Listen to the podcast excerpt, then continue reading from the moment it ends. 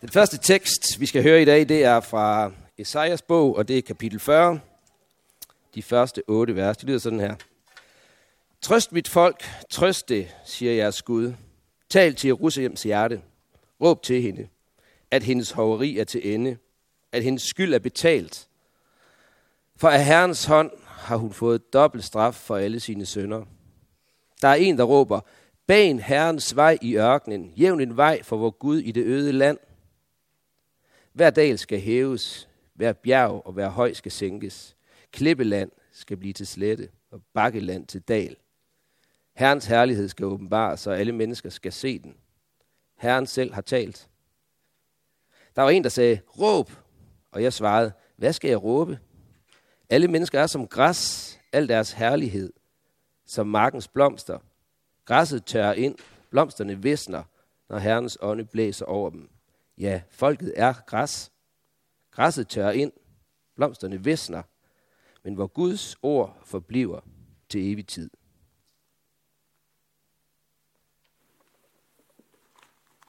Og det ord vil vi så fortsætte med at læse fra. Vi skal læse fra Lukas evangeliet. Det afsnit, der kaldes Zakarias lovsang.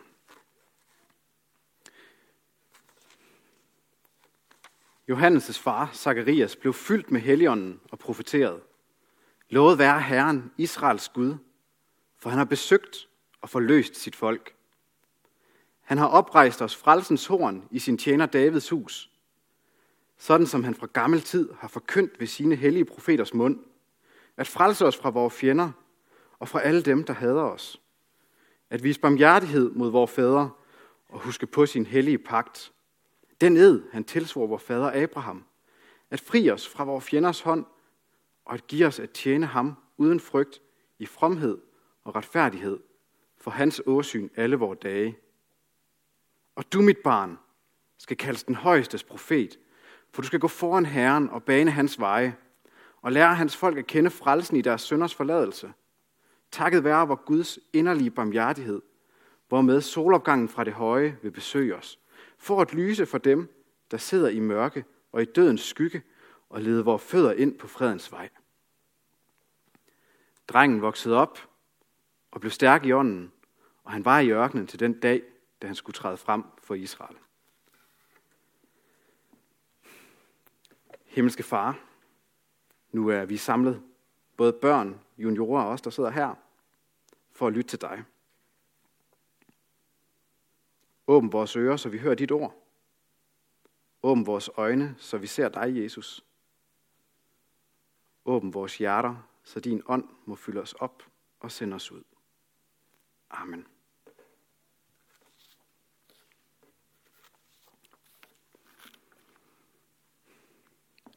For nogle, øh, nogle år siden, der fik jeg lov til at prøve at være på stille retræte.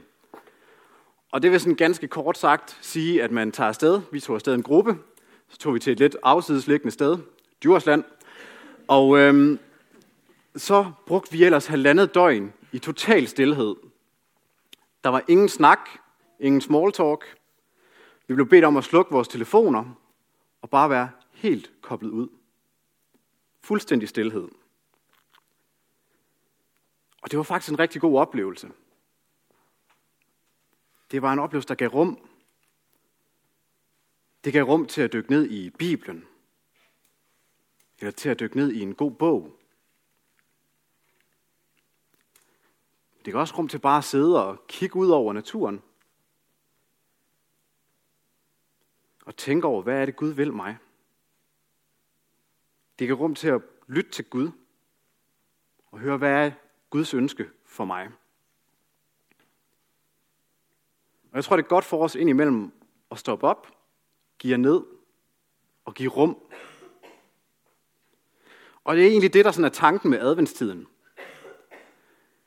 Og give ned, at der sådan fokuseres og bruges tid på at forberede sig til, at nu kommer julen. Og sådan traditionelt, så er adventstiden faktisk en fastetid. Det er også derfor, vi har den samme lille farve i gang. Og jeg må nok bare indrømme, det, jeg lykkedes ikke rigtig lige med at få fastet for tiden. Faktisk så går jeg mere sådan rundt i sådan en konstant fornemmelse af at have spist lidt for meget ved seneste julefrokost. Ikke? Øh, og jeg kunne forestille mig, at nogle af jer sidder sådan lidt med samme fornemmelse. Men advent er egentlig tænkt som en tid, hvor vi skal give ned. Hvor vi skal sætte noget til side. For eksempel det med at spise. For at gøre tid fri til at forberede os på julens mirakel, på det, der kommer. Og Zacharias, ham der har skrevet det afsnit, vi har læst nu her, det afsnit bliver kaldt Zacharias' lovsang, han var faktisk lykkedes med at give jer ned i den allerførste adventstid, der var. Faktisk så har han været på stille retræte i ni måneder, når vi dumper ind her. Ikke helt frivilligt, men dog. For ni måneder tidligere, der har han simpelthen mødt en engel i templet i Jerusalem. Og selvom englen Gabriel kommer og fortæller Zacharias det, han håber på, drømmer om og beder om at få lov at høre, så kan han ikke rigtig tro på det. Og derfor lukker Gud mund og ører på Zacharias. Det var i hvert fald sådan, at de folk, der var omkring ham, da Johannes Døberen blev født, de var nødt til at gøre tegn til ham for at, for at spørge, hvad det var, sønnen skulle hedde. Så han er synligt ikke bare blevet stum, han er også blevet døv. Så han har sådan haft ni måneder i fuldstændig stillhed, både fra sig selv og udefra. Han har holdt advent med en ufrivillig stille retræte. Der var ikke nogen PC, han kunne ikke surfe på nettet, han kunne ikke tjekke de seneste livescores, han kunne heller ikke se tv, slet ikke noget, der var tekstet for hørehæmmet. Og øhm, det betyder, at han har haft ni måneder. Og jeg tror, han har brugt den tid til at spekulere over det, englen har sagt til ham. Jeg tror, han har læst i sin bibel, det vil sige Gamle Testamente, og så har han let efter svar på, hvem det var, hans søn skulle være. Hvad vil det sige, når, Eli, når englen har sagt til ham, at han skal gå foran ham i Elias' ånd og kraft. Gå foran Gud i Elias' ånd og kraft. Og så ved jeg godt, at der står lige forud for teksten her, at han bliver fyldt af heligånden og profeterer. Men så er jeg sådan lidt, jeg er, jeg er overbevist om, at Helligånden også arbejder med det arbejde, mennesker gør. Eller sådan på en anden måde, jeg tror ikke, Helligåndens eneste måde at virke på, det er sådan en øh, spontan åbenbaring og øh, fjernstyring af mund og strubehoved og læber. Øhm, hvis det var sådan, det foregik, så tror jeg, vi var nogen, der skulle bruge lidt mindre tid på at forberede os. Men Zacharias han har haft de her ni måneder stille retræte.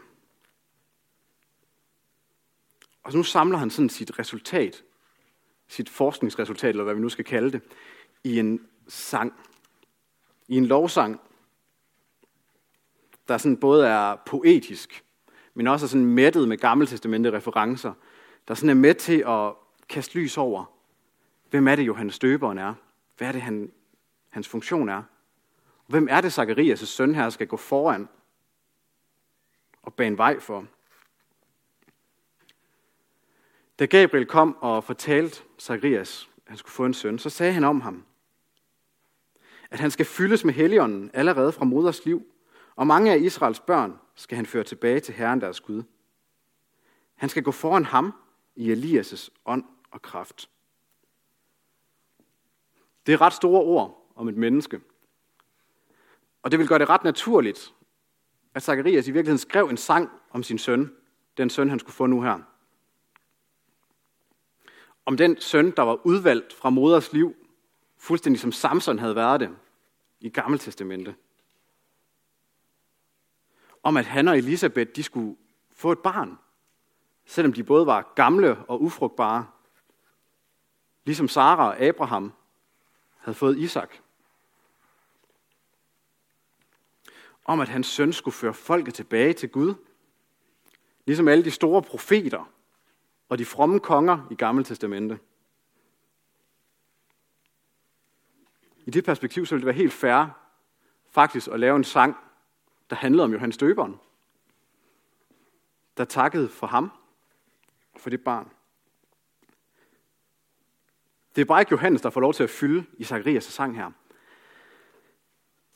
Han er med. Det er Abraham også. Og David. Men hovedpersonen i sangen, det er i virkeligheden ham, som han skal pege på. Ham, som Johannes skal gå foran. Og jeg tror Johannes, nej, jeg tror Zacharias med Helligåndens hjælp har fået en indsigt i, hvem det er, der kommer. Hvem det er, der er på vej. Hvad det er, der skal ske.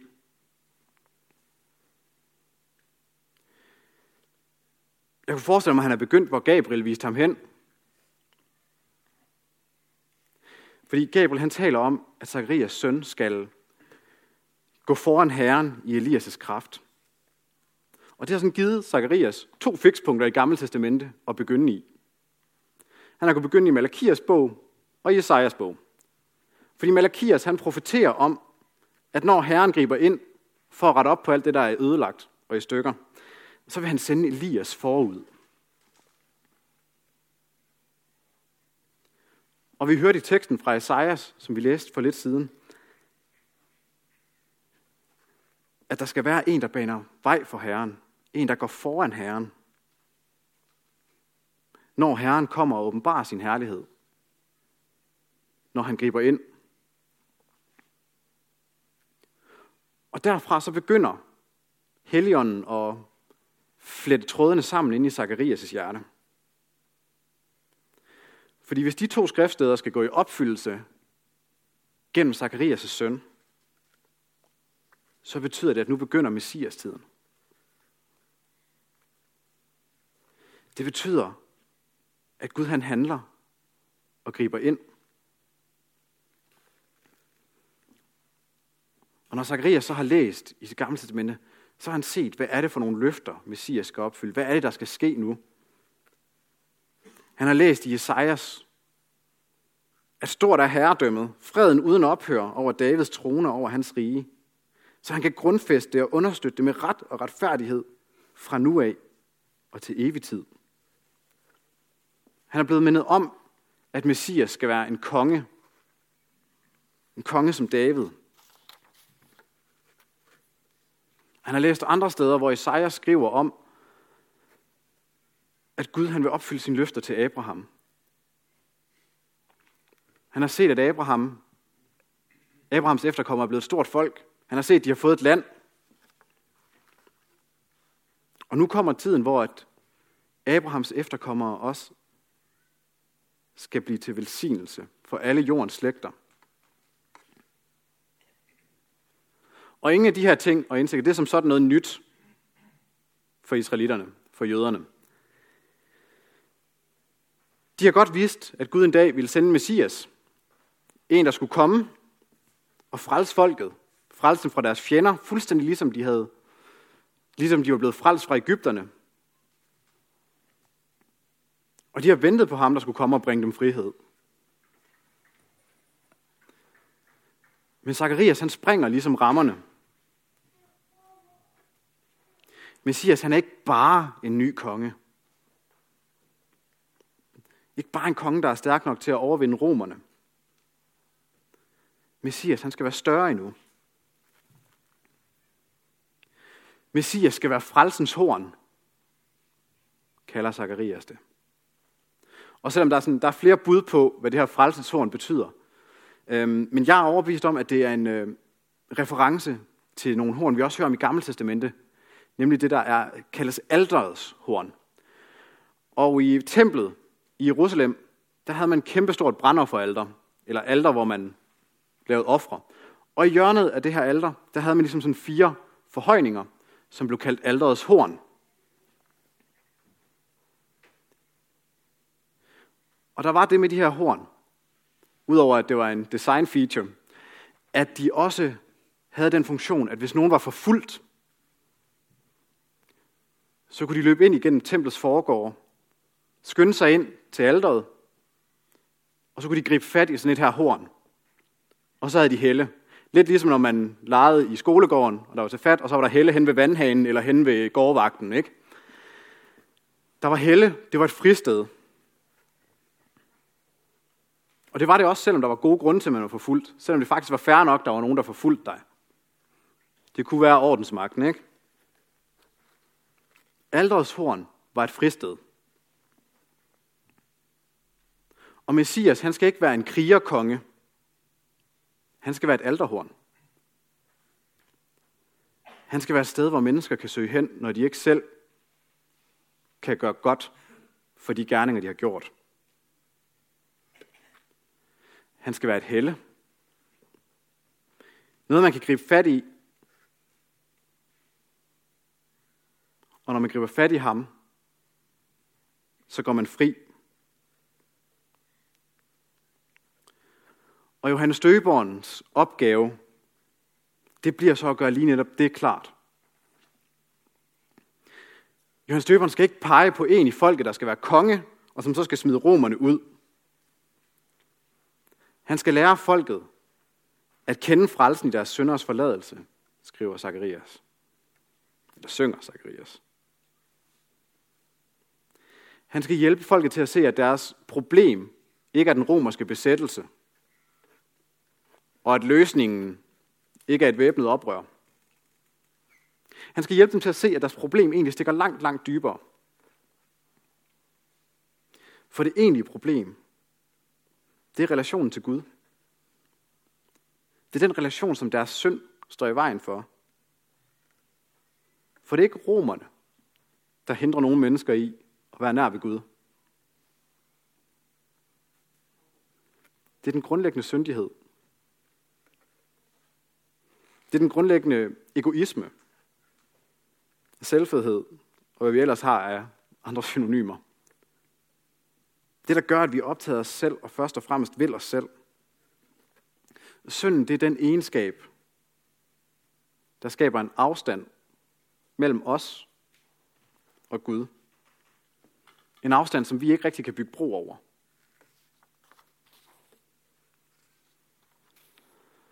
Men det kan Gud. Gud han kan komme til mennesker der, hvor vi ikke kan komme til ham. Og det er det, Zacharias beretter om, kommer til at ske nu. For nu besøger solopgangen fra det høje de mennesker, der sidder i mørke og i dødens skygge. Det vil sige alle de mennesker, der lever i en verden, hvor synden og døden hersker.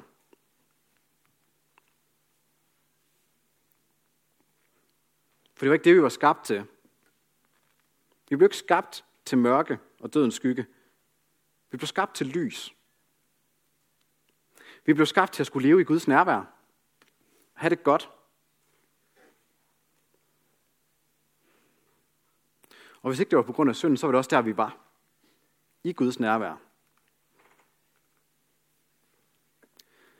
Og solopgangen fra det høje, det er sådan øh, et, en term, som Zacharias han har skabt på baggrund af det samme kapitel i Malakias bogen, som, hvor der står om Elias, der skal komme forud for Messias. For der taler Malakias om, at for jer, der frygter mit navn, skal retfærdighedens sol stråle frem. Under den svinger er der helbredelse. Det er den sol, der skal bryde synden og dødens mørke. Det er den sol, der skinner for dem, der bor i mørkets land, som Esajas udtrykker det, i den tekst, vi normalt læser både juleaften og juledag. Og det er selvfølgelig Jesu fødsel, som Zacharias taler om. Det er Messias, han kan se komme. Det er Messias-tiden, der skydes i gang, da Zacharias får en søn, der skal gå foran Herren og bane hans veje. Men Zacharias får også lov til at se, at det ikke er en politisk befrier – det er verdens frelser. Han får lov til at se, at Jesus ikke bare skal løse det romerske problem. Han skal løse syndens problem. Han skal gøre den gode relation til Gud mulig igen. Og allerede i Jesu fødsel, der er det første skridt af den vej, det er taget. Fordi Jesus, han er Gud. Han er Gud, der kommer til mennesker. Han besøger mennesker som Zacharias udtrykker det. Og det er det første skridt mod at genetablere den gode relation. Det er, at Gud kommer til os. Han bliver en af os. Men Zakarias' profeti, den slutter ikke bare ved krybben. Den fortsætter hele vejen frem til korset. Til Guds offer. Til Guds forløsning af sit folk. Fordi det er Gud, der betaler prisen. Der er nemlig ikke helle og frihed ved frelsens horn, ved alderhornene, uden der er betalt en pris for det. I Gamle Testamente, der var der blod på alderhornene. Sønderofferets blod. Det offer, der blev bragt for at prøve at reparere forholdet til Gud. Og når en på flugt løb ind og greb alderets horn, så var det ikke hornet, de greb, det var blodet på hornet. Det var blodet, der var frisættende, tilgivende.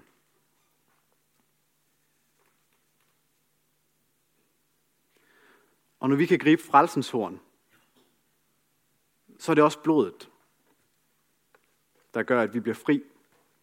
Det er blodet, der er betalt. Det er Jesu blod på korset, der er betalt, og det er det, der er vejen til frelse, vejen til den gode relation med Gud. Fordi Gud han er kommet til mennesker, og han har betalt prisen for, at relationen er mulig. Eller for at slutte med Zacharias' egne ord først i teksten. Lovet være Herren, Israels Gud, for han har besøgt og forløst sit folk.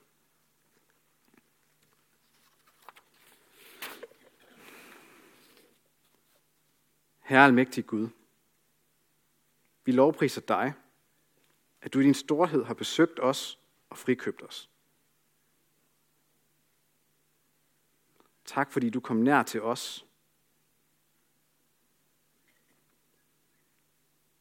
Tak, at du betalte vores gæld med dit blod.